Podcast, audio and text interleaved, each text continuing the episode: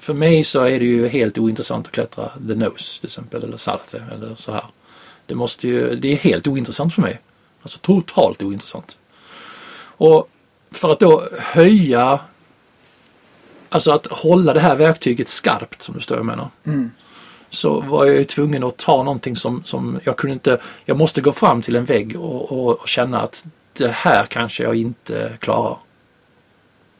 Rent tekniskt eller att jag inte överlever. Tänk dig själv att du står under en vägg som är över tusen meter hög. Det enda du har med dig är dina klätterskor och en kritpåse. Leden du tänkt klättra är svår, runt 7B. Och du har bara klättrat leden med rep en gång tidigare. Men den här kommer, gången kommer bli annorlunda. Jag vet inte vad den österrikiska klättraren Hans-Jörg Auer tänkte när han för över tio år sedan frisolerade leden The Fish på Marmoladas sydvägg i Dolomiterna i Italien. På mindre än tre timmar klättrade den unge och relativt okända klättraren leden utan rep och skrev in sig i, i historieböckerna. Klättersamfundet var chockat. Aldrig förr hade en led av den längden och svårighetsgraden klättrats utan rep. Och det skulle dröja över tio år innan någon annan klättrare frisolerade något liknande. I avsnitt sju av Säkring Klar möter vi Pierre Olsson från Slagsån i Jämtland för att bland annat prata om frisolering, klättring utan rep och sele. Och Pierre är en av Sveriges mesta klättrare. Han har klättrat över 20 turer på El Capitan. Han har klättrat Trollväggen och gjort flera resor till Trangamassivet i Karakorum i Pakistan för att klättra på världens största klippväggar. Och Pierre har mer eller mindre vikt sitt liv till klättring och framförallt storvägsklättring. Men även en hel del frisolering. Klättring där ett misstag kan leda till döden. Och I den första delen av samtalet får vi höra om Pierres år i Yosemite och hur han har använt klättringen som ett redskap för att lära sig känna sig själv. Varsågoda. För du är ju inte från Jämtland hör jag. Nej. Men du har bott här länge. Men du kommer från Skåne. Mm. Och det var där du tog dina första klätter... Det var då, där du började tänka och drömma om klättring. Antar jag. Ja, ja, det stämmer. Och det var alltså med, med den, här, med den här boken? Ja, alltså det började väldigt tidigt för min del. Alltså jag växte upp på en, en lantgård i, eh, utanför Båstad. Ah, Och okej. där fanns det en hel del, det var inte Kullaberg då, det kom senare. Men när jag var 9-10 år, då fanns det, vi hade massa klippor väldigt nära då. Eh, som var en 10-15 meter höga. Och jag tyckte det var intressant och jag visste ingenting. Det var ju före internet. Ja. Alltså man visste ju ingenting. Det enda jag visste det var den där som du har där, National Geographic. För min pappa prenumererade på National Geographic. Och den tidningen du ser som ligger där, det, den bläddrade jag i. Just det. Och då, fick, då kopplade jag de här fjällväggarna eller de här små bergväggarna hemma med den. Just det. Och då försökte jag kopiera det som, jag var ju 10 år gammal, men jag försökte kopiera det som var på bilderna där. Och eh, Vem är det som är på omslaget? det är Dennis Hennek tror jag. Ah, okej. Mm. Dennis Henrik, just det. Han var ju, känd, han var ju på Baffin Island med Dog Scott. Ja, stämmer. Ganska Jag tror känd. att det, de gjorde, sin för, de gjorde första clean bestigningen av Half Dome, handlar det om då. Men det hade jag ju ingen aning om då. Utan alltså, det var första gången man klättrade Half Dome utan eh, att använda hammare. Då. Ja, just det. Mm. Just, Så det är därför den kom i National Geographic. Ja. Så de var ju lite före sin tid kan man säga. just det. Mm. Men du sa att du var på bildvisningen med Mm. norskarna. För det, för Ja. det var ju Hans Christian Doset, Finn Dählie, Sten P. Åsheim och Dag Kårsrud va? Som Ja. på Trango 84. 1984. Men bara två kom tillbaks. Mm. Det stämmer. För att de fick slut på mat. Och då bestämde de sig för att Finn Dählie och Hans Christian Doset skulle fortsätta medan de andra firade ner. Ja. För, så de skulle ha en chans att komma upp på toppen. Mm. Och sen vet man ju inte exakt vad som hände. Men, men de kom upp på toppen och sen på vägen ner så hände någonting som gjorde att de, de, de föll ner och dog. Ja, det stämmer. Och jag tror att jag eh, formades väldigt mycket av det föredraget som de höll då. Och det var ju eh, sommaren 84 som de var iväg. Och våren 85, så det var ju alltså helt färskt. Mm. Typ januari, februari. Då kom Dag Kolserud till, till eh, Skånes klätterklubb och höll en föreläsning. Ehm, och jag, jag, visste ju ingenting om det här. Jag hade ju aldrig... eh, jag bara visste att jag ville gå på föredraget då, för det handlade om klättring. Mm. Och ehm, det, det grep tag i mig väldigt, det kan jag säga. Och jag var som sagt, jag var väl 14-15 då. Och jag har aldrig känt något så stort inom mig att när de visade de bilderna uppe på stora väggen så sa jag att det där ska jag försöka mig på. För mig själv alltså. Jag sa inte det högt. Och, Så det har varit mitt, eh, alltså, mitt det, det har inte varit mitt mål men det har varit min dröm. Mm. Att någon gång få klättra Norwegian Pillar på Great Triangle. mm. Mm. och det har du ju fått göra. Ja, Klättrat på den i alla fall. ja. Men jag tänkte vi kan återkomma till det. Mm. Utan vi fortsätter lite grann där i dina eh, ungdomsdagar. Men va, för du såg den här bildvisningen då med, från norska eh, Trango-turen 84. Ja, en hederlig gammal bildvisning med projektor och diabilder. Alltså jag, jag minns det fortfarande. Jag vet inte hur länge sedan kan du som kan räkna, hur länge sedan är det här? Om det var 85? 95? 35 år sedan. Ja, och jag minns det som det vore för ett par år sedan. Det, det gav ett starkt intryck på mig. Men efter det då? Hur, du sa att du började klä- klättra på ja, småklippor runt Båstad. Gick du någon typ klätterkurs? Ja, så småningom så blev ju mina föräldrar lite oroliga för mig. Eh, för att alltså, det fanns ju ingenting. Det fanns ingenting att köpa. Det, finns inga, det fanns inga klättergrejer att köpa. I, alltså det fanns inga butiker, det fanns ju inget internet och så vidare. Men, eh, så, så, men på gården hade vi ju rep. Vi hade ju flaggstångslinor och allt möjligt sånt där. Så jag använde mig av det eh, bildmaterialet som var i National Geographic. Och tillverkade egna grejer faktiskt och gjorde mitt eget Swami-bält då som man skulle ha. Och firade med och så. Och de upptäckte ju det. Och tyckte inte det var något bra. Så de försökte förbjuda mig, eller min mamma då, eh, att klättra.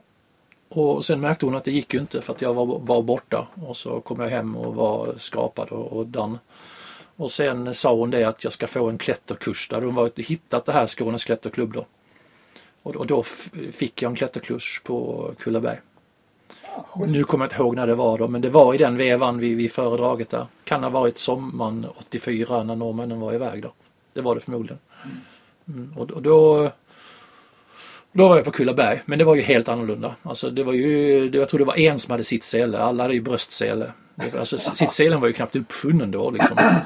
Så att ja, det var ju lite annorlunda då. Mm. Men eh, jag kommer ihåg Rafael Jensen var en av kursledarna. Jaha, Så det var lite kul. Det, det visste jag inte då men det kom jag på sen. Eh, och Magnus Nilsson var där och så vidare. Mm. Ah. Mm. Ja, alltså Rafael, han är ju vill kännas för att han var uppe på K2. Men Magnus Nilsson, han är ju, har ju också varit till Baffin Island, har för mig.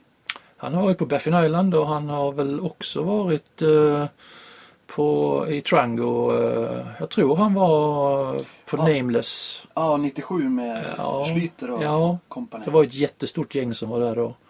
De var väl en 12-14 klättrare eller någonting. Just det. Ja. För- Norska och svenska. Mm. Ja, för jag träffade Fredrik Schlyter för kanske en månad sedan i Mm. eh, Ågelsjön. Ja. Eh, och då pratade vi lite grann om, om Trango-turen där. Mm. Eh, coolt. Men, men eh, sen har jag förstått också att eh, Yosemite har varit en stor del av, vi hoppar lite framåt här, men när var det första gången du Nej då, det är inte att hoppa framåt. Det kom ganska omedelbart. Ah, okej. Eh, nu skulle jag lagt fram ett par böcker till där som har betytt en del för mig. Det har jag glömt. Men det fanns en som kom som du kanske känner till som heter Yosemite Climber. Eh, en bilderbok egentligen. Ja, Mm, nej. Som Galen Rowell Ja, har, Galen eh, Rowell, ja, okej. mm, eh, hade gjort. Mm. Eh, Men bara, eh, alltså en stor eh, sån, vad säger man, tabletop-bok idag. Mm. Alltså med stora fina bilder och så lite text. Ehm, den eh, fick jag i födelsedagspresent när jag var en 16-17 år. Och, eh, och då, den var ju kopplad till National Geographic där då, för det är också Yosemite. Och då började jag liksom förstå att det finns en dal någonstans. Och jag visste ju också att Dag Kolserud hade ju visat bilder från Yosemite, han hade ju varit där. Han var ju den som var mest erfaren storväggs, alltså ren, alltså riktig storväggsklättring då eh, av, de, av det här gänget. Då. De andra hade ju mer erfarenhet av alpina väggar som du vet Trollväggen och, och det här. Och det är ju inte alls på samma paritet som, eh, som eh, stora granitväggar då. Mm. Och, så jag förstod ju att Yosemite är nyckeln till, till Trango. Så, så, så var det. Jag åkte till Yosemite första gången när det nu var 90 tror jag. Och, och då var det med tanke på att lära mig att klättra stora väggar då. Och hur gammal var du då första gången du åkte dit? 20. 20. Mm. Åkte du själv eller åkte du med någon kompis? Nej, vi var ett, ett gäng höll jag på att säga, men det var vi inte alls. Vi var tre stycken. Ja, som, eh, så. Jag jobbade på STF då. Så jag jobbade på, bland annat på Kebnekaise och, och Sylarna. Och på Sylarna lärde jag träffa en av de här killarna, Björn hette han, och eh, hans kompis Thomas. Och vi pratade om det här tillsammans. Vi klättrade bland annat Nordostpelaren tillsammans. Det var vår första, så vi klättrade Nordostpelaren eh, tillsammans eh, ett tag före det. Och då satt vi och snackade lite om Yosemite, har jag för mig. Det här är ju jättemycket vatten har runnit under broarna sedan dess. Ja. Men ungefär så. Och då eh, bestämde vi oss för att åka dit. Jag visste ju att jag ville dit och de hade ju också så här. Så vi åkte dit tillsammans. Mm. Och vad, första resan då, vad, vad klättrade ni då? Inte så jättemycket egentligen utan eh, eh, trots alla bilder och alla böcker eh, som man tittar på så kan du inte göra rättvisa. Tänk återigen Kaj att det här var ju före internet. Ja. Så det, det gick inte att liksom få upp en film från Yosemite Valley. Du vet som alla har sett idag. Liksom, utan man har sett eh, uppslaget i, i böcker och det slår ju inte den riktiga synen givetvis. Och speciellt inte när man är så gammal eller så ung som 20 år. Att, att rulla in med bussen och se El Capitan för första gången gjorde ju att eh, man reagerade lite olika. Men jag reagerade eh, jag, med skräckblandad förtjusning. Jag förstod direkt att jag har ingenting där att göra. Det fattade jag direkt. När jag tittade ut genom bussfönstret. Och mina kompisar var väl egentligen mer att det där kommer vi aldrig någonsin att klättra. Medan jag var att jo det där ska jag lära mig men det kommer inte bli den här gången. Och det var inte målet med, med resan heller. Målet var bara att komma till Yosemite och se det här och klättra runt. Det, alltså jag hade inget mål om att klättra El Capitan då. För det hade jag fattat att det, alltså, alltså jag kunde tradda fem plus liksom och var 20 år gammal. Jag hade ingen erfarenhet av någonting. Jag hade ju aldrig aid klättrat mer än liksom 10-15 meter hemma liksom. Och hade ingen, man, man visste ju inte. Det fanns inga instruktionsböcker. Och som sagt, inget internet och ingen Youtube och ingenting. Och det fanns ingenting i, i svensk klättring som hette aid-klättring eller artificiell klättring. Det, det var ju minimalt. Mm. Så Men jag kände på en gång att det här är någonting som jag vill lära mig. Och jag vill klättra den väggen. Det var min första reaktion. Mm. Men jag förstod att jag inte kan göra det på en gång. Men hur, hur tänk, tänkte du då att, hade du någon plan då på hur du skulle lära dig? Nej. Men hur, hur gick du tillväga? För du har ju Nej men eh, det blev så att jag spenderade 14 år i den dalen. Och, eh, eller 14 säsonger då. 14 somrar. Och jag tog det och, och jag kände ju det att det här med, med de här mina goda kamrater att det fungerar inte. De hade en helt annan målbild och ett helt annat uppfattning om saker och ting här i livet då än vad jag hade. Mm. För mig så blev Yosemite eh, mitt andra hem. Det kände jag lite grann på den resan. Vi var där, de andra åkte ganska fort därifrån för att eh, en, en av kompisarna efter två, tre veckor blev eh, rätt skrämd tror jag av klättringen. Mm. Och nej, jag drar vidare och drar någon annanstans och klättrar. Och min andra kompis eh, försvann också på något sätt och sen var jag kvar själv. Och jag kände, ska det bli någonting här? Ja, jag ville vara där. Jag ville inte ens åka hem. Så att, eh, jag blev inte bortskrämd. Jag blev mer eh, ödmjuk inför uppgiften kan man säga. Mm. Så, så eh, ja, alltså jag hajkade runt rätt mycket där och klättrade också mycket givetvis. Men förstod ju direkt att det här är på riktigt om du förstår vad jag menar. Det blir många repor på Stugeberget för att ens klara första replängden på The Nose kände jag. Ja. Så att eh, nej, jag, jag, jag bara förstod att det här kommer att vara en, en eh, det kommer att ta mycket tid om det ska bli någonting. Men, men det, det var inget betungande utan det var jag glad för. Men hur gjorde du liksom rent praktiskt då med, för om du var där varenda sommar i 14 säsonger. Inte varenda sommar då, men Ah, Okej, men utspritt. utspritt. Ja. Eh, hur, liksom, hur finansierar du det? Du jobbade i Sverige och sen åkte till Yosemite. Kom hem, jobbade, åkte tillbaks. Nu kommer du till det stora dilemmat här i mitt liv. Och, och, all... det, här är så kul, det här är så kul Kaj. Dilemma. Det här är minnenas eh, parad.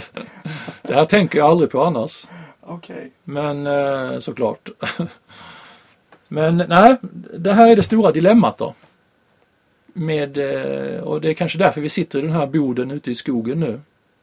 En vuxen kar Som bor på 30 kvadratmeter med utedass, det har du inte sett än då. Och så vidare. Och det är det att eh, man försakar eh, allt annat. Det var som du säger. Hem, jobba, i 6-7 månader. I början var jag inte där så mycket då, det var jag där tre månader. Och Sen blev det fyra månader, sen blev det fem månader och sen var det som mest sex månader. Då.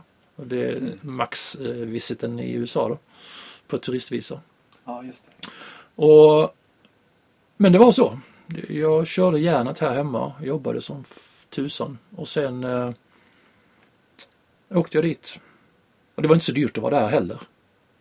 Alltså vi klättrar ju bara. Det som var dyrt var ju att få ihop utrustning då. Det tog ju lång tid att få ihop eh, lite utrustning. Så man, man var tvungen att förlita sig. Och jag åkte ju aldrig med svenskar då utan jag åkte ju själv. Och flyttade. Jag kände, ska det här, jag får inte ha något, något form av förhållande till någon annan klättrare. Utan jag, jag måste vara fri så att säga i kampen. Och så var ju nästan alla där. Man flyttade in i camp 4. Och i, i de första åren jag var där så var det ju lugnt. Alltså det bodde ju folk där i fem månader. Man slog upp sitt tält och sen stod det där. Mm. Så det var ju en tältstad när jag kom dit först då. Och det var ju först de senare åren som det började ändra sig då. Men... eh, Ja, för för ja. nu är det väldigt reglerat. Ja, nu finns inte Camp 4 längre kan man säga då. Den, den gamla... Eh, du känner till Camp 4 kanske? Ja, Ja. jag var i Yosemite för två år sedan. Och bodde där. Mm. Men det var det ju, ja, alltså det är ju krångligt att bo där. Ja, och sen märkte du säkert att det var ju inte så mycket liksom eh, lokala klättrare där. Det är, inga, det är inget locals häng längre utan eh, all, alla som klättrar seriöst i Yosemite de bor ju inte i Camp 4 längre. Men så var det ju inte fram till år 2002. Då bodde alla där. Då var det the center of universe för klippklättring eller storvägsklättring eller all typ av klättring. Men det dödades då av diverse olika anledningar. Mm. Mest av politiska beslut.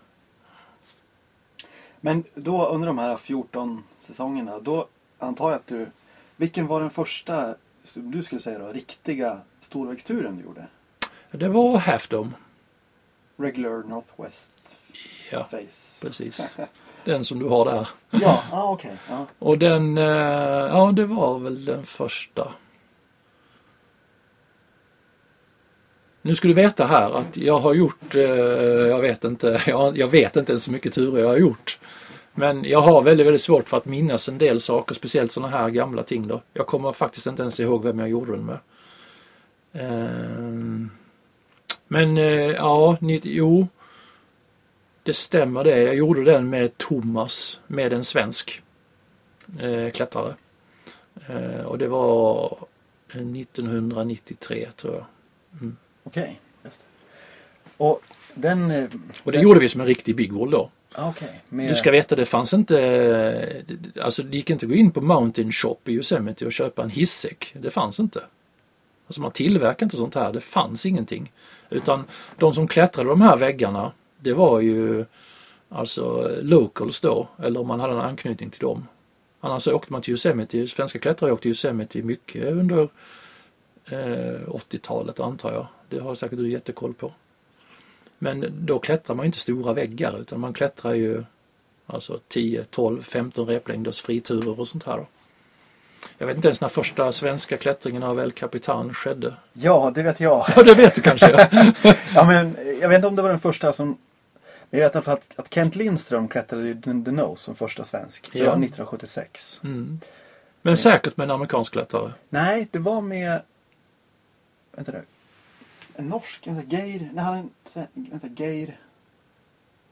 En skandinavisk. Ja, då, ja, ja. Mm. Eh, och sen så klättrade För Kent Lindström var ju väldigt aktiv där på slutet på 70-talet i Mm. Han klättrade ju The Nose. Half Dome. Jag tror han klättrade den här... Uh, Tisasak. Tissiak. Tissiak. Mm. Eh, och så någon... f- Salatek. Ja. ja. Han klättrade ganska mycket där. Ja, säkert Salat det. Ja. Mm. Eh, men det... Sen fick han, han fick ju barn och sådär så då Ja. slutade han väl med det. Det vanliga livet Ja, tog över. ja. Sen 80-talet, svenskar i Yosemite vet jag inte så mycket. Det var väl säkert några som var där. Jo då, det känner jag till en del då. Men det är inget som jag kan i huvudet så här för det är inget jag tänker på i vanliga fall då. Men det finns en lista på folk som var där. Daniel Bidner var ju där bland annat. Just det. Eh, och sen har vi ju en, en massa andra eh, filurer som var uppe och, och, klättrade. Jag vet att det gjordes en del turer. Eh, Mikael Shibadung gjorde ju en tur på, på um, El Capitan och så vidare. Och så vidare. Men, men jo då, så, så det, visst var det så. Mm. Och det kände jag ju till också att vissa hade varit där. Men eh, alltså eh, vägen till stora turer då gick ju via, via den amerikanska communityn. Man var tvungen att liksom ta reda på saker och ting. För att det här var ju ingen eh, allmän kunskap hur man klättrar El Capitan till exempel.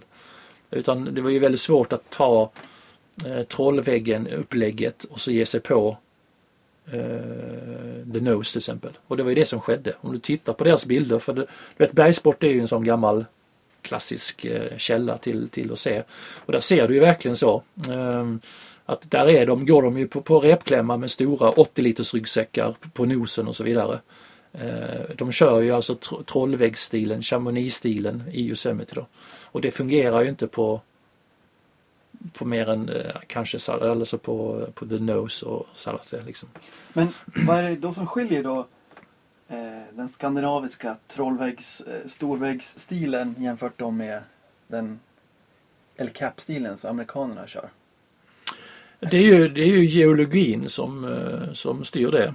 Alltså de väggarna är ju extremt släta. Det är ju bara en platt, Yosemite? Ja, det är ju en platt granitvägg med en eller två sprickor på. Eh, Medan trollväggen och alla andra chamoniturer är ju eh, hyllsystem med lösa block. Du kan inte släpa en säck till exempel efter det. Ehm, och sen är det ju då väldigt eh, mycket brantare då. Så El Capitan är ju väldigt brant. Flertalet turer är ju överhängande i sina helheter. Och då vill man inte ha ryggsäck på sig. Ja, det kan vara lite jobbigt antar jag. Mm. Jag har ju själv aldrig klättrat någon stor vägg. Men får se. Framtiden kanske. Ja, det tycker jag du ska göra för det är en upplevelse. Ja, det är i alla fall någonting helt, eh, för min, för min del, för, för klättringen så är det ett, ett eh, liksom, någonting helt nytt att lära sig. Skulle det vara. Mm. Och det är alltid lite kul att liksom pröva liksom, och försöka lära sig. Men jag tänkte på det, du klättrade Half Dome som första storväggen. Liksom. Ja, det var den riktiga och det tog... Eh, vi gick upp på den och som alla aspirerande storvägsklättrare så går man upp och tror att man ska göra det och, eller tror att man kan eller vet. Ja. Och så vänder man efter eh, efter eh, första eh, dagen typ. När man kanske har sovit eller inte sovit då en natt. Mm. Så så var det. Så vi gick, eh, Första dagen kom vi inte ens i närheten. Nu minns jag inte helt. Nu sitter jag och fabulerar lite då. Men, men det var ju ungefär så att vi hade ett bestämt mål. All, alla storvägsturer är ju ett bestämt, man måste ha ett tidsschema. Mm. För du har ju med dig ett visst antal förnödenheter och, och så vidare. Och det ska ju räcka ett visst antal dagar. Och kan du inte hålla det schemat så, så spårar du ur och då kommer du ju få lida hårt de sista dagarna. Ja. Så att eh, vi spräckte ju schemat direkt givetvis eh, redan på anmarschen. Anmarschen är ju brutal om man inte vet vad man håller på med. ja, den ser brant ut. Det är som en Ja, ja. lång eh, svavplatta. Ja, man kan gå antingen framifrån eller bakifrån då. Eh, baksidan. Vi gick baksidan men det var ju också en helvetisk marsch. Det är ju, jag vet 20 kilometer kanske. Och, och det är långt att gå och det är varmt. Och sen ska man sova vid insteget, hitta insteget och så sova vid insteget och sen ska man då börja klättra och så ska man komma dit man ska och så vidare. Så att, äh, nej, vi kom ner igen. Och eh, förstod, lärde oss av det. Och laddade om och sen så gick vi upp igen, eh, om det var x antal dagar senare och körde den. Och då hade vi tre bivacker tror jag, fyra, fyra dagar. Mm. Och Hafdom den är 600 meter och sånt där va? Ja, Själva väggen. 24 replängder är det. Mm.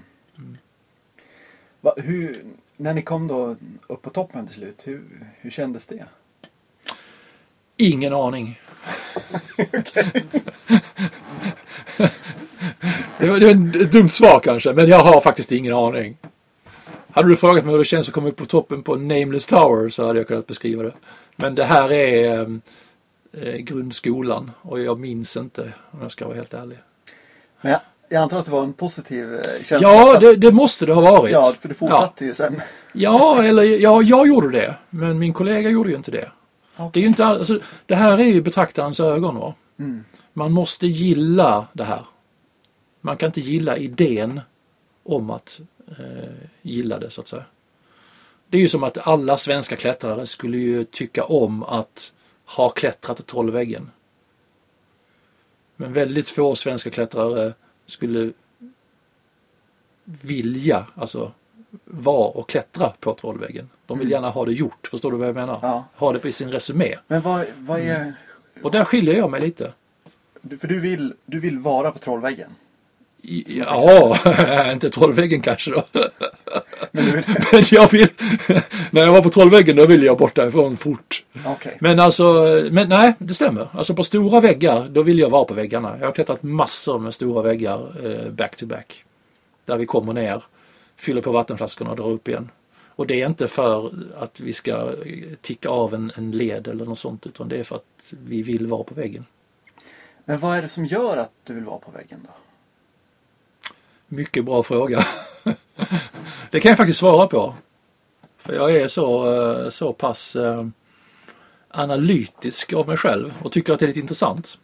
Men alltså anledningen till att, till att det här har format mitt liv, alltså totalt. Alltså mitt liv eh, har blivit som det har blivit av, eh, av det här då. Eller eh, Alltså den gemensamma nämnaren som jag upptäckte med alla som, som, som var en längre tid i Yosemite, som kom dit när vårsäsongen började och var där över hela sommaren. De hade en gemensam nämnare. Och det var inte att nu ska vi åka och klättra the nose eller nu ska vi åka och klättra det här. Utan det var klättringen, dalen i sig och klättringen är ett verktyg. Ett, ett verktyg, ett redskap att förstå dig själv. Och att acceptera dig själv som människa. Och så var det för mig. Utan eh, att hänga på de här väggarna så visste jag inte vem jag var. Det var bara när jag var där uppe som jag började förstå vem jag själv var då. Och Tungt va? ja... Nej men, Nej men så är det. För där uppe är du, där ställs allt på sin spets. Och jag har alltid i mitt liv, och kanske därför som, eh, som jag ibland blir lite kontroversiell, har haft väldigt hårda ståndpunkter om saker och ting. Jag klarar inte av bullshit. Överhuvudtaget. Och där uppe finns inget bullshit. Där blir, nu pratar vi inte klättringen då, utan nu är El Capitan till exempel, eller vilken storväg som helst, ett redskap för det här. En katalysator för det. För om du säger till mig Kaj, så här, imorgon ska jag leda den A4 replängden där uppe. Och sen, det kan du inte säga om du inte ska göra det. Men här kan du säga, imorgon ska vi gå och klättra is. Och sen imorgon bitti när jag ska hämta dig så säger du, nej jag har lite ont i halsen idag. Eller det här. Och, och det finns inte där uppe. men, Du kan inte stå vid foten av El Capitan med din partner och säga ja, i övermorgon så kör vi, klättrar vi i Sea of Dreams. Det, det går inte. Det är många som gör det då, men de kommer inte fram till insteget ens. Och det är det som definierar klättringen för min del. Att det, att det bara existerar i själva utförandet? Det existerar eh, som så att det är svart och vitt. Det finns ingen det finns inga grå zoner. Antingen gör du det eller så gör du inte det. Punkt. Ja. Och det appellerar till min livsstil. Eller till mitt psyke om man säger så. Mm. Och det var kanske därför jag då bara struntade i att klättra med svenska klättrare. Struntade i att ha eh, reguljära partners utan jag bara åkte dit som jag var. Alltså jag kunde ju klättra eh, en sommar i Yosemite med Alltså i början då kanske en sju, åtta olika personer. Och sen så småningom så kristalliserade sig till liksom ett fåtal då när man började eh, Folk började ju känna, känna till mig i Yosemite också då. Och jag började känna till andra och så vidare och då blir det ju lättare att kunna, den där Andrew där borta, kan, han kan jag lita på. Ska jag göra en, en tur med honom så gör jag det. Mm. Så formar vi ju, eller jag formade många olika eh, relationer med klättrare där då under många år.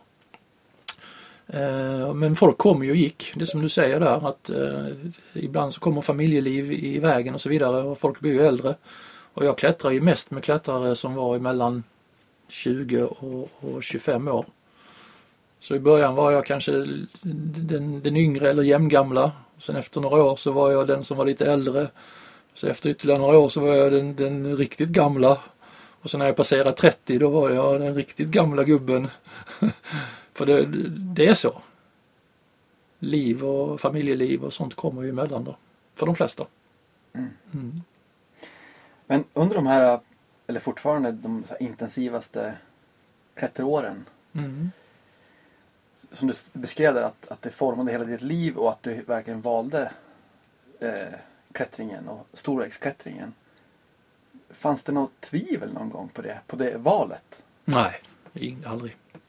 Och, och det är det jag säger som jag sa i början här att det här med att, att eh, Great Triangle Tower var ett mål eller en dröm Mm. så, så, så försvann det. Eh, I dimman om man säger så. Utan eh, det det handlar om i Yosemite för min del det var att, eh, att eh, utvecklas eh, som människa. Mm. Mm. Och Inte utvecklas som klättrare utan det kom som en bonus. Vi, jag såg mig inte som eh, en, en eh, klättrare så. Det kanske låter konstigt utan eh, det var ingen som gjorde det utan vi såg oss mer som människor som, som gjorde det här. Inte att vi var liksom något speciellt så. Det här var någonting vi behövde. Det var istället för eh, medicin. Mm. Men vad... Va, Såklart. ja, Annars spenderar du inte åravis. Jag vet inte, jag har ju hundratals nätter i Portaledge på El Capitan. ja, Alltså sånt gör man inte om man inte behöver det. Alltså det, det där gör man ju bara om man alltså lever det eller, eller vill vara. Att det, det är en del av det. Det var lika självklart som, som att borsta tänderna. Även om vi inte gjorde det då. Men det är väl lika självklart som att äta och dricka. Att bo uppe på El Capitan. Mm. Mm. Till exempel. El Capitan är ändå bara den lilla delen så att säga. För den är ju ändå en ganska seriös och tung och stor vägg att vara på. Det finns ju många, många andra väggar som är, som är mindre om man säger så inom situationstecken som, eh, som vi klättrade väldigt mycket på också. Och, och det här med eh, eh, att, att, att det var ett viktigt verktyg för mig. Det visar sig också i, tror jag, så här om jag nu ska analysera mig själv, att jag började ju klättra väldigt mycket solo. Då. Så jag har ju klättrat väldigt mycket storväggar ensam. Jag har ju klättrat El Capitan solo och så vidare. Och det kräver ju då, där särskiljer man sig även då bort ifrån de som också klättrar El Capitan 10 gånger, 20 gånger, 30 gånger, 40 gånger. De kanske aldrig har klättrat ett solo. För då gör du liksom, då får du verkligen lära känna dig själv. Då har du ju bara dig själv att umgås med.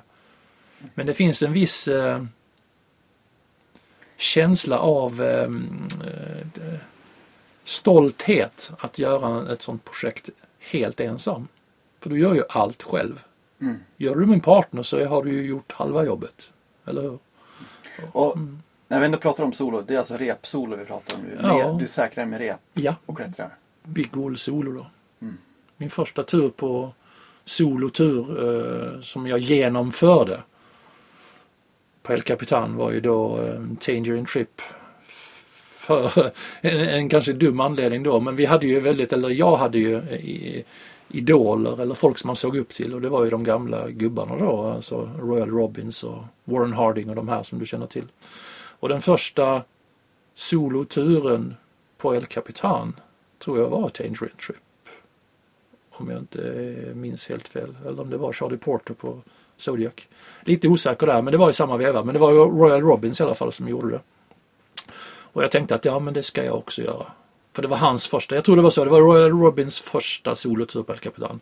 Och jag ville liksom eh, gå lite i Royal Robins fotsteg. Eh, nej, men jag kände att han hade väldigt bra ehm, eh, motivering till varför han klättrade. Och han säger ju lite så som jag också har upptäckt att jag själv tänker och tycker. Och ehm, ja, och det, den gjorde jag då eh, 2000 någonting, 2000 tror jag. Och eh, 18-19 år sedan snart. Och det var eh, en, en, en mycket speciell upplevelse. Det var det. Mm. För då när Tio man, dygn tog det. tio dagar Mm. ensam på El Cap. Ja. Och, Och det var en tung medicin för en, eh, en ung man. Men eh, vad gav det dig då? Den turen? Allt.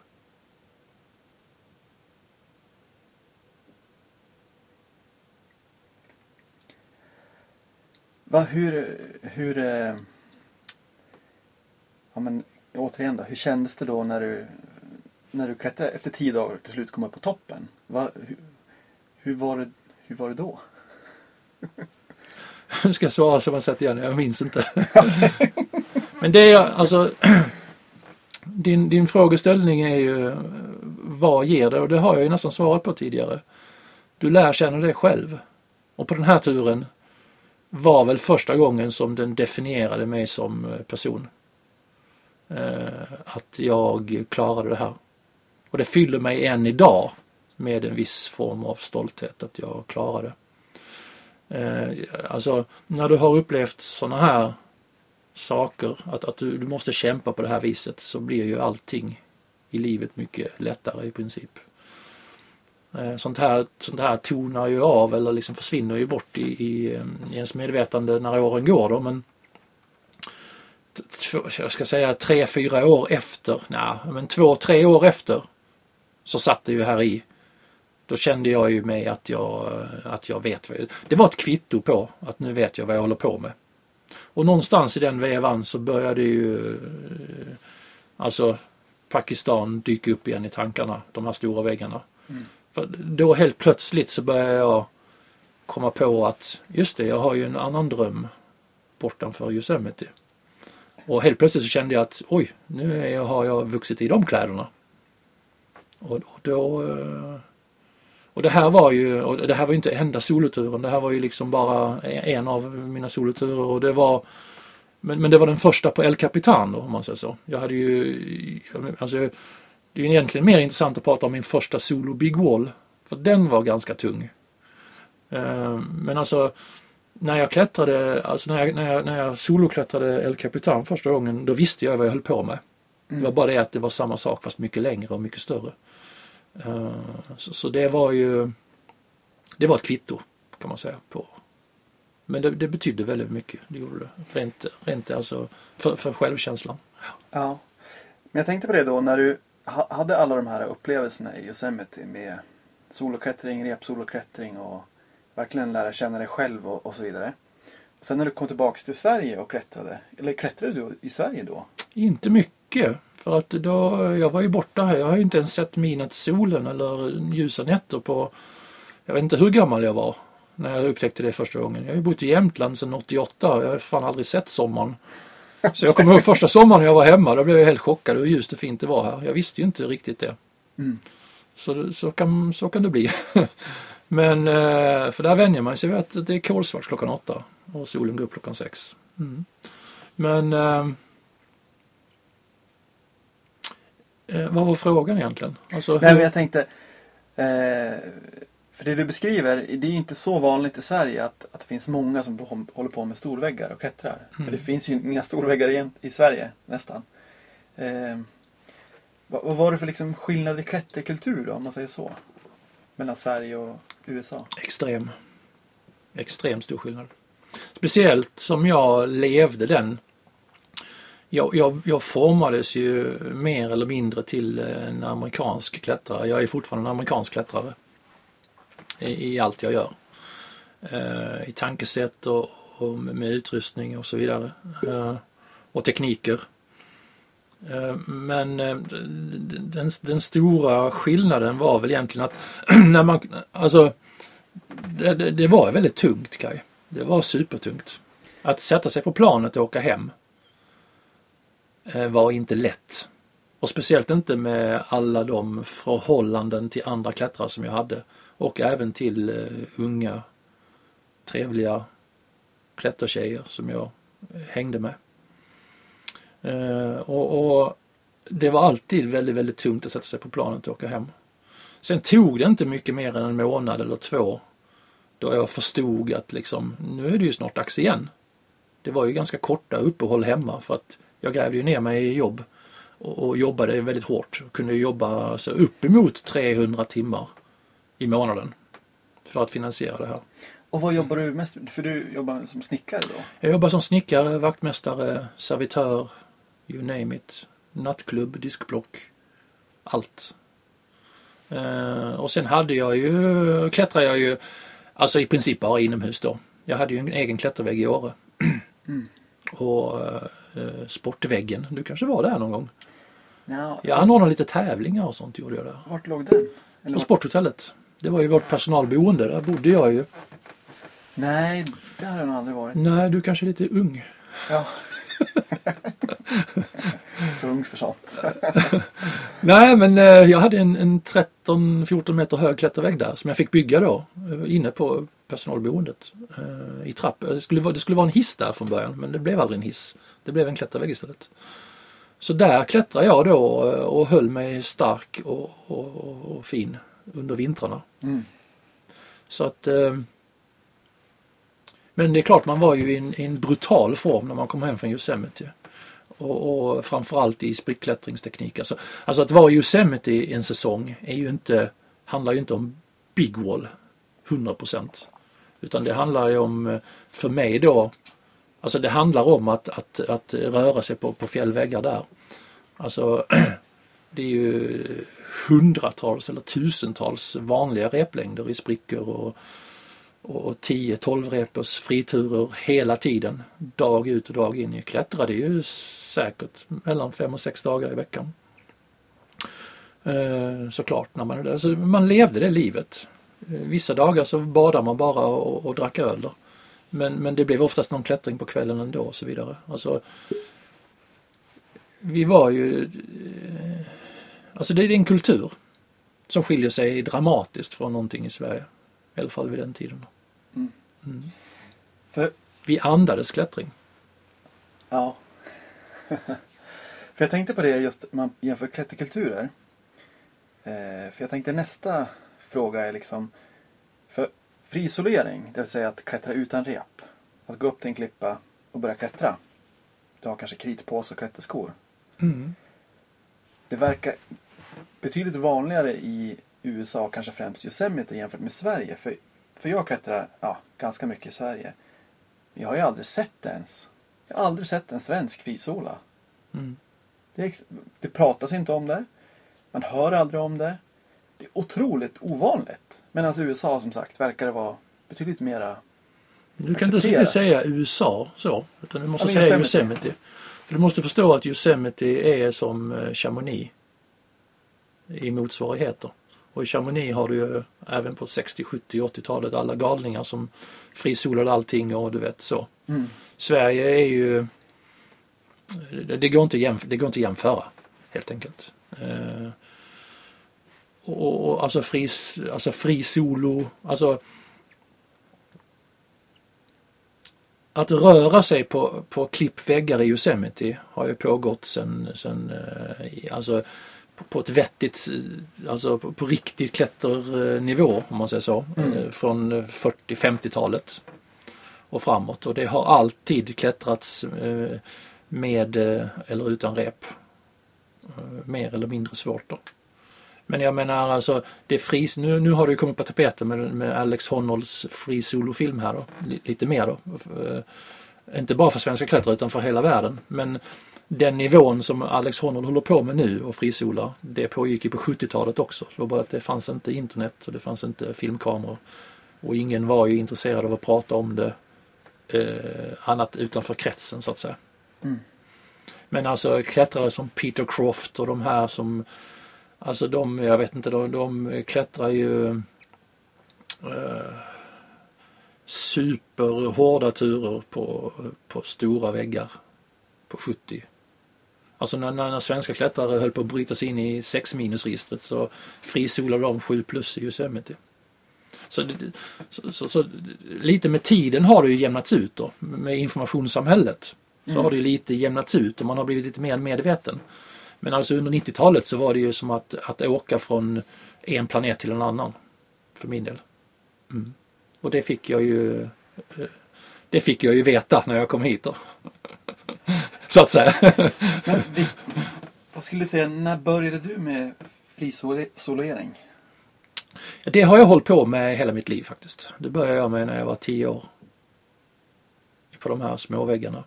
Jag tyckte det var lite för besvärligt med, eh, med alla de här flagglinorna och sådär. Så Mm. jag, jag klättrade ganska mycket eh, ja, utan, utan rep då och gillade den rörelsen. Och sen eh, försvann väl det lite eh, när jag var tvungen att lära mig reptekniker då. När man gick klätterkursen och så vidare. Då, var, då tog det upp allting och då var det väldigt intressant. Då. Och det, men det var inte förrän i Yosemite, alltså eh, efter en fyra, fem säsonger i Yosemite, då började jag, för att alla mina, alltså den, den communityn jag levde med, de klättrar ju på kvällarna. Alltså, vi kunde ju vara ute och klättra en hel dag till exempel. Vi kunde göra Central Pillar of Frenzy en dag till exempel. Och sen så kom vi tillbaka till campen och så käkade man eh, det man käkade och drack två öl och sen bara nä, och så var det en skön kväll. Nu går vi och soloklättrar någonting. Och då, jag var ju tvungen att följa med. Jag kunde inte sitta kvar i campen som, en, som ett menlöst med. Utan jag följde ju med på det och det var ju väldigt lätta turer då. Alltså, fri soloklättring lägger man ju på den nivån man, man, man vill ha den. Och, och eh, i Yosemite kan du ju klättra fri solo trea klättring och du kan klättra fri solo på freerider. Mm. Där väljer du var du vill ligga då. Och givetvis så är det ju det är ett ganska farligt redskap eh, det då också. Det är inte riskfritt att att klättra på El Capitan heller men just fri solon är ju ett, ett, ett, ytterligare ett, ett redskap, alltså ett verktyg till att lära känna sig själv. Jag kommer tillbaka till det här känner jag.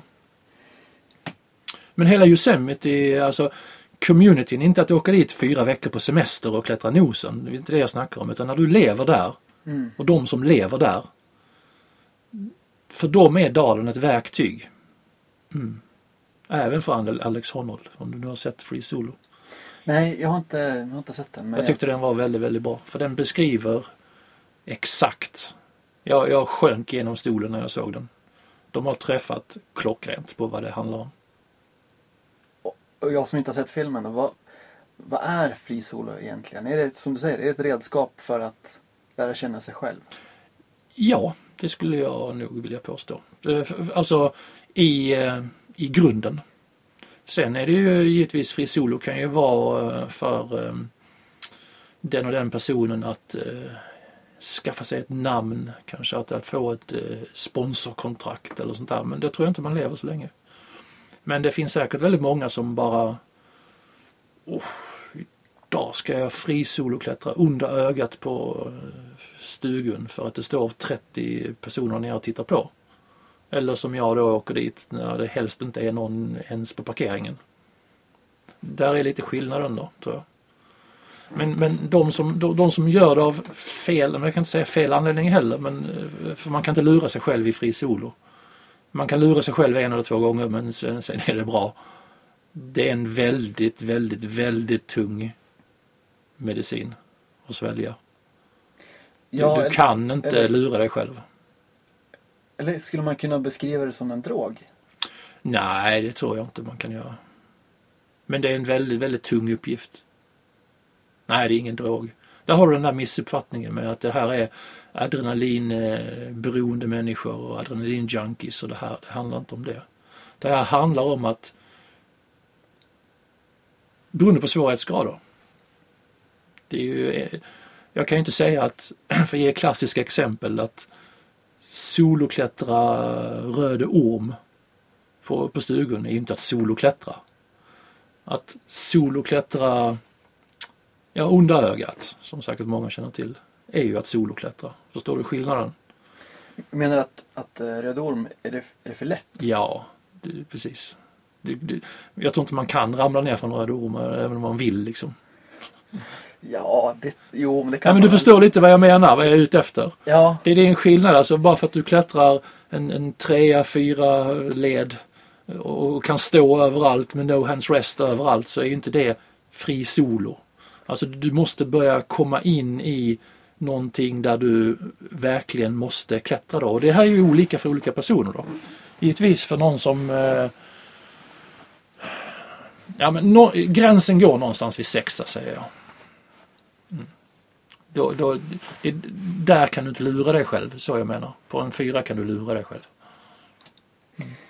men eh, jag tänkte på just frisolering och att det, även klättring, men att det kan vara ett sätt att lära känna sig själv. Kan man inte då tycka att det finns andra sätt eller metoder som är mindre, mindre risker för att lära känna sig själv än frisolering? Ja, absolut. Men nu frågar du ju fel person. Men du kan säkert prata med en psykolog om det. Ja, ja, det finns säkert tv-spel eller vad som helst. Men, men eh, om vi nu pratar om mig så är det det här perfekta. Det, det här är det, mitt perfekta redskap. Eller egentligen inte. Alltså, det, det här är ju komplext i all sin en- enkelhet. Mm. Anledningen till att jag börjar fri soloklättra är ju inte liksom på grund av eh, att lära, jo det är att lära känna mig själv. Men det var egentligen en annan anledning. Anledningen till att jag började fri soloklättra bodde ju inte på att liksom, för jag lärde redan känna mig själv på stora väggar. Alltså på, eh, alltså om jag klättrade ehm, en, eh, en, en magic mushroom på El Capitan. Det, det var medicin nog om man säger så. Mm. Men ehm, eh, så, så fri solon handlar egentligen inte om det för min del. Skulle du rekommendera frisolering till andra klättrare? Nej, det skulle jag inte göra. Varför då? Det kan eh, sluta med eh, förskräckelse. Anledningen till att jag började fri soloklättra, jag hade ju en ganska klar anledning då. Förutom det här jag sa att det var det naturliga. Att dricka två öl och sen gå upp och klättra en, en eh, fem replängder, eh, fem plus liksom. Det, det var ju mer på ett annat sätt. Det var ju mer en reaktionell eh, klättring där man liksom bara hängde med kompisar. Vi kunde ju vara sex personer och klättra en, en 200 meters tur och sitta på hyllor och snacka och så här. Mm. Jag pratar om det här med att, att storvägsklättringen är ett verktyg för mig. Jag kände eh, efter ett tag där att när jag gick upp i, i graden, jag behövde ju liksom en, en, en tyngre och tyngre upplevelse för att få ut av det. F- för mig så är det ju helt ointressant att klättra the nose till exempel eller salate eller så här. Det måste ju, det är helt ointressant för mig. Alltså totalt ointressant. Och för att då höja, alltså att hålla det här verktyget skarpt som du står jag menar. Mm. Så var jag ju tvungen att ta någonting som, som jag kunde inte, jag måste gå fram till en vägg och, och, och känna att det här kanske jag inte klarar. Rent tekniskt eller att jag inte överlever. Och för att eh, få det så blir ju svårighetsgraden hårdare och hårdare. Då känner du till aidgraderna A1, A2, A3, A4, A5 och så vidare. Ja, ja. Och eh, när jag kom upp och började sniffa på mina första A4, det är ju alltså en full replängd då. Med bara, om du har tur, hittar en säkring som håller att falla i. Och du bryter allt du har i kroppen. Du förstör dig totalt om du skulle falla eller om du gör ett misstag. Mm. För att misstag betyder att du faller. Och, och för att kunna hantera det, och det tog ju ganska lång tid då. Det var ju vissa replängder som kunde ta 6, 7, 8 timmar. Och där du står och håller på med det här hantverket då. Och du när som helst kan förvandlas till en eh, klump långt nere. Eh, med brutna ben och, och allt. Eh, att, att, och sen, du vet, hålla på med det uppdraget hela dagen. Och gå och lägga sig, sköta sitt, borsta sina tänder på kvällen och gå och lägga sig, sova i sin portaledge, kliva upp för att göra det nästa dag och veta att det här skulle hålla på med en vecka. För att hantera det så kände jag att jag var tvungen att vässa mig.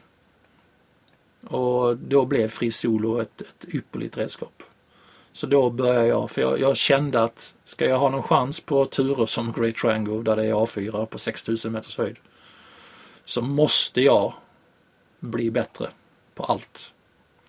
Så jag började fri soloklättra. Eh, anledningen till att jag fri frisoloklättrade ganska hårt i förhållande till, till min friklättergrad. Jag klättrade lika hårt fri solo som jag kunde leda med rep, tradd. Eh, så gjorde jag det i syfte att kunna behärska mig själv i en, i en liv och död situation. På ett enkelt sätt. Då. För du kan inte liksom sticka upp El Capitan och hänga på en A4 och, och, och, öva så att säga på den känslan. Utan du måste kunna ha den känslan innan. Och då är det väldigt lättare än att ta eh, din kritpåse och friskor och så springa iväg och klättra upp från 300 meters vägg då. Men under all den här frisoleringen. för det är ju oundvikligt, man måste kanske prata lite grann om risk med det. Mm. För att det är ju uppenbarligen liksom. Har du någonsin eh, varit nära gränsen under en frisolering? Väldigt många gånger.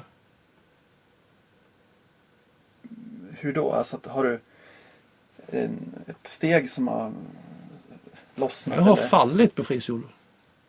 Och fångat mig själv på vägen ner. Va- Oj. Mm. Men du, det gick bra? Uppenbarligen. Ja, det gick bra. Men, det gick bra. Mm. Det gjorde det. Men, Men det- eh, jag har också vänt många gånger på fri soloturer. Problemet med fri solo, lite hårdare grader då, speciellt om du är på gränsen vad du kan klättra då, Mm. så är ju att du inte kan vända då. Så det som har hänt mig vid några tillfällen det är att jag helt enkelt eh, inte har klarat av det. Eller ja, jag har ju klarat, alltså det här är ett psykologiskt spel också. Det är inte bara fysiskt, det är också mentalt. Och det måste samstämma. Och i Yosemite har det hänt ett par, tre gånger att jag har eh, gett upp. Nu pratar vi långa klättringar, alltså om vi säger 10, 14, 15 replängder. Att jag har eh, helt enkelt bara satt mig ner på en hylla och väntat på ett replag. Mm. Och fått be att få lifta med dem. Jag förstår. Och det har aldrig varit några problem då. Det har gått bra. Eh, jag tänkte på Månggura. Mm. För det är ju en, en tur i Romsdalen, eller en, ett fjäll eh, som är ganska känt ändå. Ja, Och framförallt den här Anders Lundahl, Hans Christian Dose-turen, den heter Sydpilaren. Sydpilaren ja. Har den- du klättrat den eller? Nej, jag har stått vid insteg och tittat Ja. det var dyblött. Den ska du klättra Kaj. Ja, Det hör gör till allmänbildningen. Ja, det gör det? Ja, Ja. okej. okej. Nej, men för den är ju en populär led som säkert många har klättrat som Mm. kanske kommer att lyssna på det här avsnittet. Mm. Berätta lite om, om dina erfarenheter från den turen. Ja, där tog jag ju egentligen mina... Det var väl egentligen första gången jag tog liksom... Eh, med, alltså tog den Pierre som jag är i Yosemite till Sverige. Och gjorde och behandlade Romstaden som Yosemite. Mm. Eh, och jag, jag har ju solklättrat den flera gånger då, och klättrat den många gånger och så vidare. Eh, första gången jag klättrade Mångyra så, så det, det var väl, jag tror det var en sån där sommar då jag råkade vara hemma i Sverige. Och, och ja men nu ska jag fasen vara hemma. Jag har ju, du vet, jag har ju alltid varit, har jag inte varit i Yosemite, jag har ju varit i Chamonix en sommar eller så. Du vet, jag har alltid varit borta någonstans. Och jag började ju snegla på Trollväggen och, och så vidare och ville ju gärna göra den för att det enda man fick höra i, i Yosemite det var Have you done the troll wall man? Och jag bara nej, jag, why? Jag, lever, jag, jag bor fyra timmar därifrån. Why you never climbed the troll wall? Men du vet, jag, var, jag har ju aldrig varit hemma. Jag ska klättra den på vintern eller liksom du vet så här, då jobbar jag ju. Ja, så att eh, jag kände ju lite så här, jag har ju inte knappt varit i Romstaden. Jag, jag känner inte till Romstaden Mm. förrän liksom du vet sent in i mitt liv då. Så första gången jag åkte till, till, eh, till Romsdalen då eh, var det med målet att klättra Trollväggen och så blev det ingenting med det då givetvis för att det regnade och så vidare. Och då klättrade vi Månggura eh, som eh, för att det är brist på annat så att säga. Och då upptäckte jag, fan det här är ju nästan, inte riktigt då, men nästan lika bra som saker och ting i, i USA. Och eh, ja, så jag klättrade den med rep ett antal gånger först. Eh, men fel väg då, kom jag på. Ja, okej. Så vi hittat aldrig den rätta vägen. Nej, Vi jag klättrar fattar. mycket hårdare. Ja, okej. Och, och varje gång jag pratar med folk så här, hur fasen som jag kunde säga att de här är nog inte helt eh, hundra på att klättra 6 plus eh, klättra det här. Som ändå tycker att eh, första replängden är hur lätt som helst. Och jag bara kunde inte fatta det för första replängden är ju 6 plus 7 minus den vägen vi klättrar. Och jag, jag kunde aldrig greppa mitt huvud runt det där att alla sa att det var så jäkla lätt. Så att eh, jag fick en förklaring inne på, på Broken, en restaurang i Åre. Med en klättrare jag träffade där, hur man skulle klättra då. Och då kände jag bara, ja men alltså kan det stämma? Ska man gå höger där, där vi går vänster och så vidare? Ja, ja, första replängden. Mm. Ja, just det. Mm. Man går ut ganska långt till höger. Ja, jag har bara sett Ja, liksom, man gör som en travers ut och sen är det en femma eh, helt dolt. Man klättrar ut runt ett hörn och sen är det femma vägg upp så här på små steg. Men där kände jag så bara, ja men vad fan, ja, nu åker jag dit och gör det imorgon. Typ. Sen åkte jag dit och så frisolade jag. Och hur lång tid? Och då eh, solade jag och klättrade allt det där som man hade förklarat on site. Så det var ju lite speciellt. Men jag kände ju mig eh, mogen så att när jag klättrade ut runt det där hörnet man ser ju ingenting. Det är ju bara så här, vad fasen är det här? Och så kommer runt hörnet, ah, men såklart, här är det ju. Och det var ju lite speciellt då. Mm. Hur lång tid tog det första gången du frisolade den?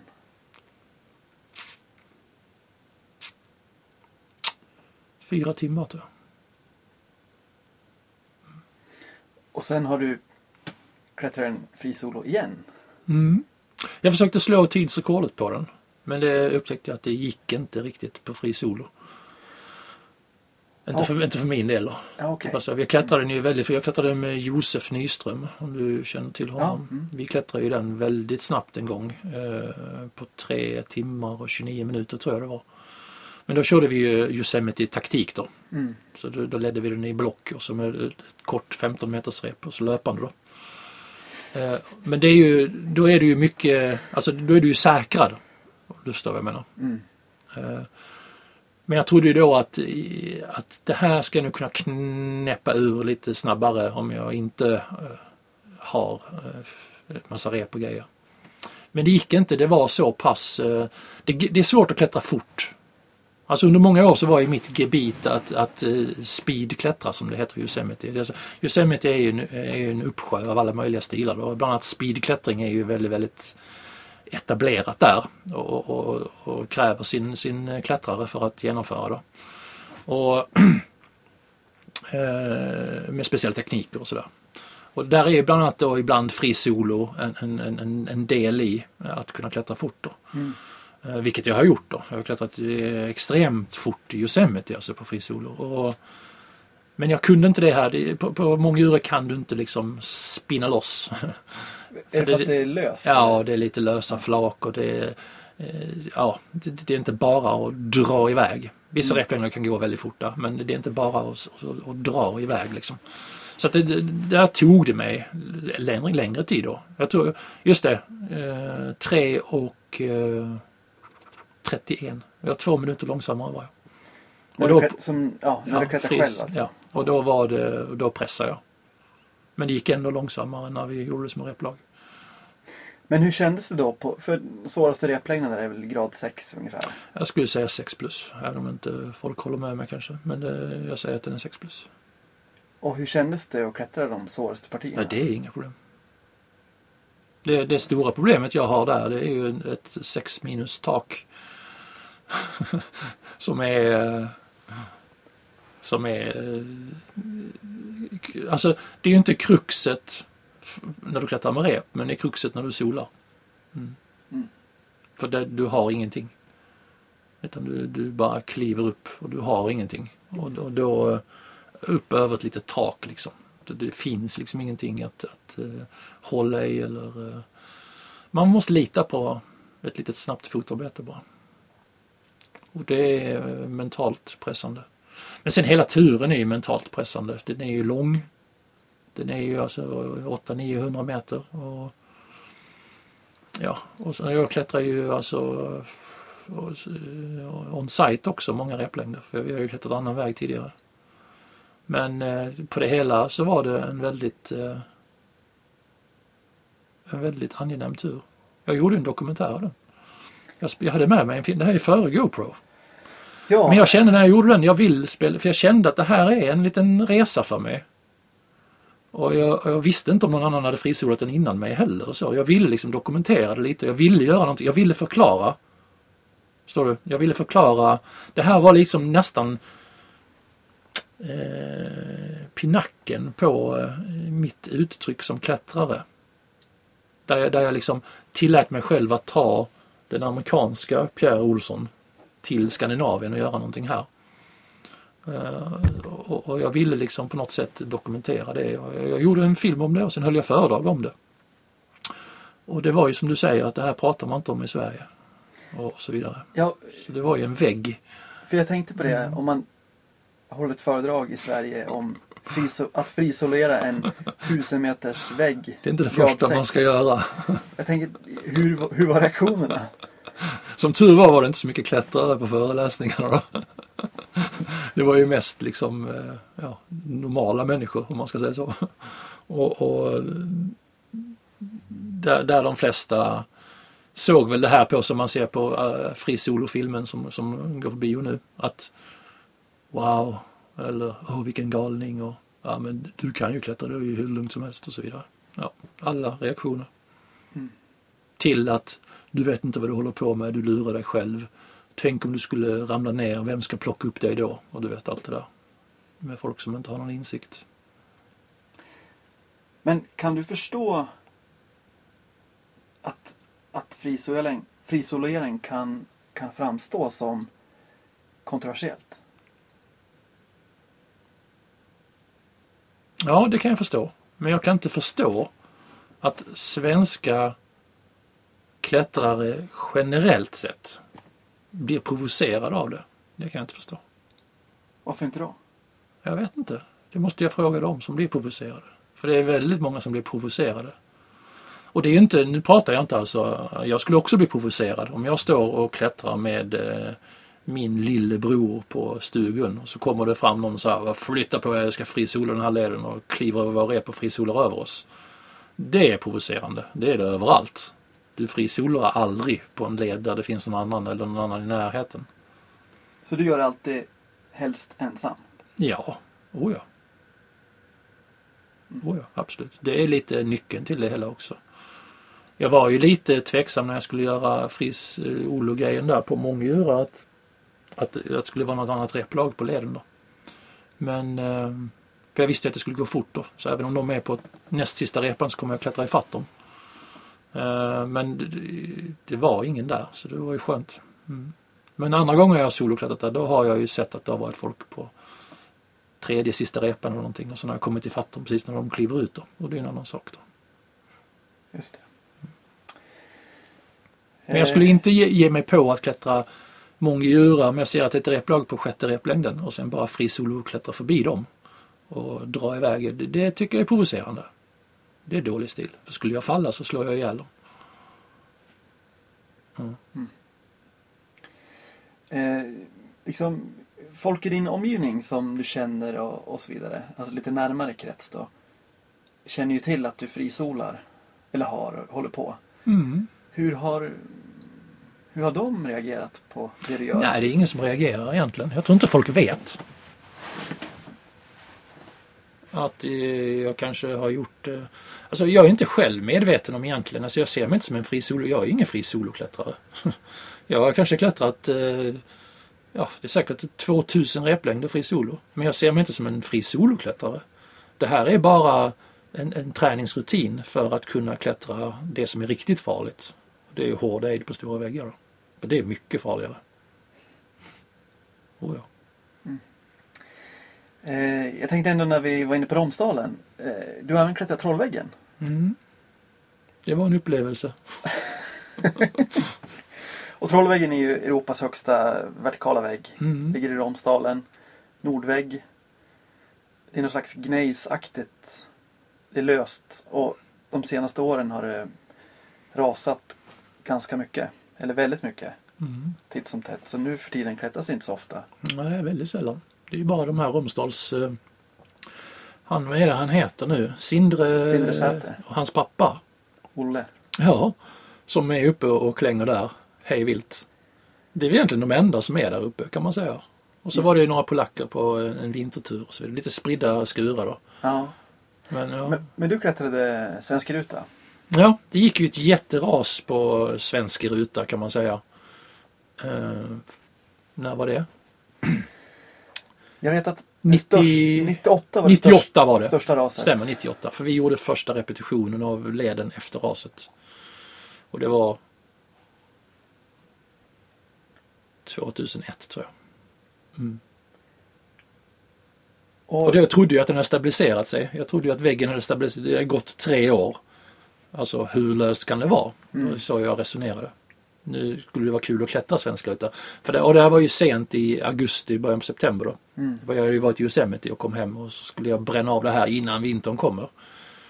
Eh, och ehm, eh, ja. Och tog med mig Yosemite-taktiken för det då. Eh, snabbt och elegant. Men det gick inte att klättra. Så, men återigen då, det går inte att fräsa på på sådana här väggar. Man får vara väldigt metodisk och lugn. Då.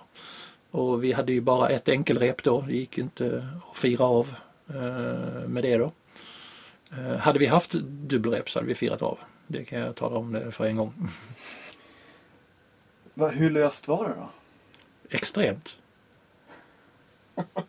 Det är en av de få gångerna som jag har eh, gråtit på en tur. Där jag trodde att nu har jag dödat min replagskamrat. Inte av stenslag men att nu har jag, för det var ju jag som drog med honom in i det här. Det var en svensk kille, Thomas Kempe heter han.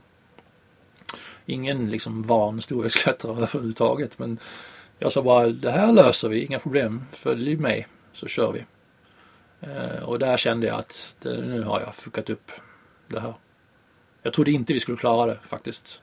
Och det var, jag klättrade i 7 minus terräng utan en enda säkring. Kom till, eh, drog ut en hel replängd. Det är mitt i rasområdet där raset har träffat över terrassen. Klättrade på lösa eh, knirkande flak liksom. 7 minus klättring i princip. Kom tills repet inte räckte längre. Letade efter en standplats hela tiden, fanns ingen standplats. Satte en två stycken eh, trikammar i något flexande flak. Där jag bara kunde stå. Jag kunde inte hänga i dem överhuvudtaget. De, de höll inte eh, kroppsvikt. Och bara stod där och, och sa till Thomas att nu får du följa men du får fan inte eh, falla. Menar du då att, att du trodde att den inte skulle överleva? Då trodde jag att han skulle falla på den replängden. Och då hade vi gått. Och dra med dig? Ja, ja, då hade vi gått bägge två. Ja, det hade jag inga problem med. Men att honom, att jag hade liksom, jag hade ju ansvaret för Thomas på den här turen. Eh, Att, att han skulle... Ja, att jag hade satt honom i den här situationen. Det var ju väldigt dumt. Har du pratat med han om det efteråt eller under turen? Ja, vi gjorde ju en liten film om det här. Jag har alltid varit intresserad av att göra film och sånt. Jag har burit med mig såna här, eh, du vet, kassettbandspelare grejer upp på de här väggarna. Eh, så vi gjorde en liten film om det och så vidare. Men ehm, nej, vi har väl inte pratat så mycket eh, om det egentligen. Det, intressanta är ju att han jobbar som psykolog. Så det var, det var inga problem. Det var jag som hade problem. Han hade inga problem. Han föll inte på den replängden. Han var stabil och vi skrattade hela vägen upp. Eh, men jag, jag fick problem. Det fick jag. Mm. Men det gick ju väldigt bra då. Men vi hade, det var, på, det var hårfint. Det tog, vi hade ut, jag trodde ju i min eh, enfaldhet att det här klättrar vi på 15 till 20 timmar. Inga problem. För det hade jag ju gjort i Yosemite med händerna bakbundna. Men det gick ju inte. Så, och vi hade ju därefter, vi hade ju bara en liter vätska med oss och ingenting. Det tog tre dygn då. Så vi hade två bivacker i väggen. Och sen när vi nådde toppen så var det ju dimma och dålig sikt och regn. Sista dagen regnade. Så vi fick ringa fjällräddningen uppe på, på flacken där uppe. För det var ju omöjligt att hitta tillbaka till Trollstigen. Jag visste, Ja, inte, ja. jag visste inte var jag var någonstans. Så då körde de upp en polisbil till, och vi var ju helt slut. Vi var helt borta. Jag orkar inte ta ett steg till. Eh, Så när vi hade gått en 3-4 kilometer där uppe då ringde jag till fjällräddningen och så körde de upp en polisbil till Trollstigen till serveringen där. Och det var alltså, du såg inte handen framför det. Och så drog de igång sirenerna. Det här var ju klockan tre på natten någonting. Så drog de igång sirenerna. Och eh, så gick vi mot dem då. Och så hade jag en, en fjällräddare som kan det här området utan och innan. Och kunde förklara för oss. Okej, nu går ni 300 meter i den riktningen. Och så stannar ni och så lyssnar ni på sirenen. Vart har du den nu? Ja, lite till vänster om mig.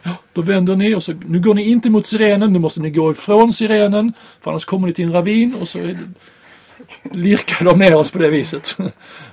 Så det var väldigt bra. Ja, eh, norsk, norsk fjällräddning känns väldigt kompetent. Vi kunde ha ett helt program bara om den turen tror jag.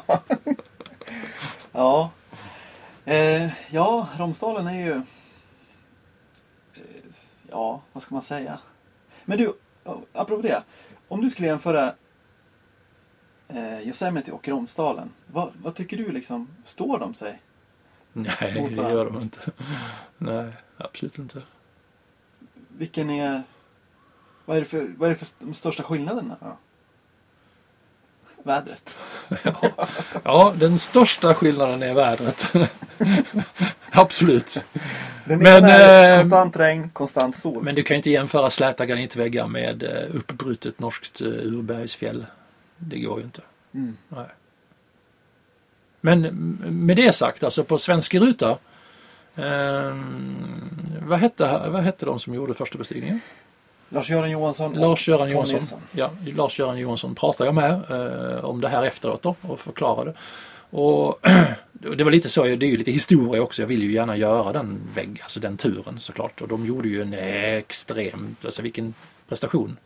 Ja, jag har tänkt, tänkt Ja. mycket på den turen. Och Det är en jättefin klättertur. det är ju sinnessjukt vad de gjorde. När vi kom upp över rasområdet. Alltså Mm. rasområdet var ju Alltså det var väl en 200 meter hög pelare som lossnade från väggen och föll fritt och sen träffade terrassen då.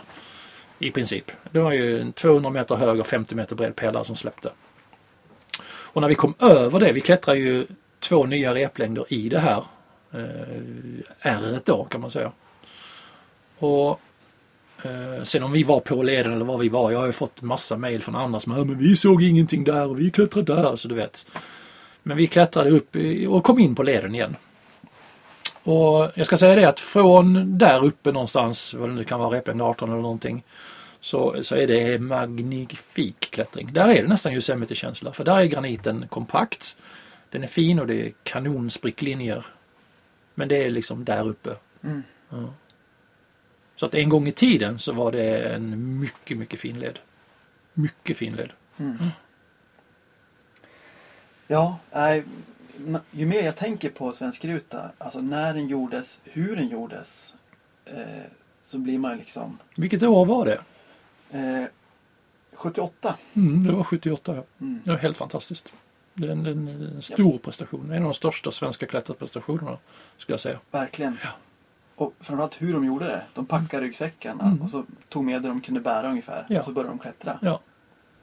Det är helt otroligt. Ja, och ja, det är inte bara det att de klättrar den utan att de hittar en sån linje. Ja. Alltså det är en jättefin linje. Du kan inte jämföra det med Rimmun eller de här. Det är alltså det är en jättefin linje. Med seriös. Nu är det ju de det mesta då, men det är ju seriös. Jättefin, alltså inte seriös, alltså seriöst fin. Det är Mm. inte seriös klättring men det är seriöst fin handspricka som är 6 plus i 100 meter där uppe. Alltså det är ju enormt liksom. Mm. Mm. Att hitta det liksom. Ja, Ja, bra jobbat. ja det är det verkligen. Det var del ett av samtalet med Pierre. I avsnitt två som jag tänkte lägga upp om någon vecka eller sådär så får ni höra lite mer om hans turer i Pakistan. Turer som har lett till både triumf och tragedi. Ha det så fint så länge och eh, klättra tryggt oavsett om ni klättrar med rep eller inte.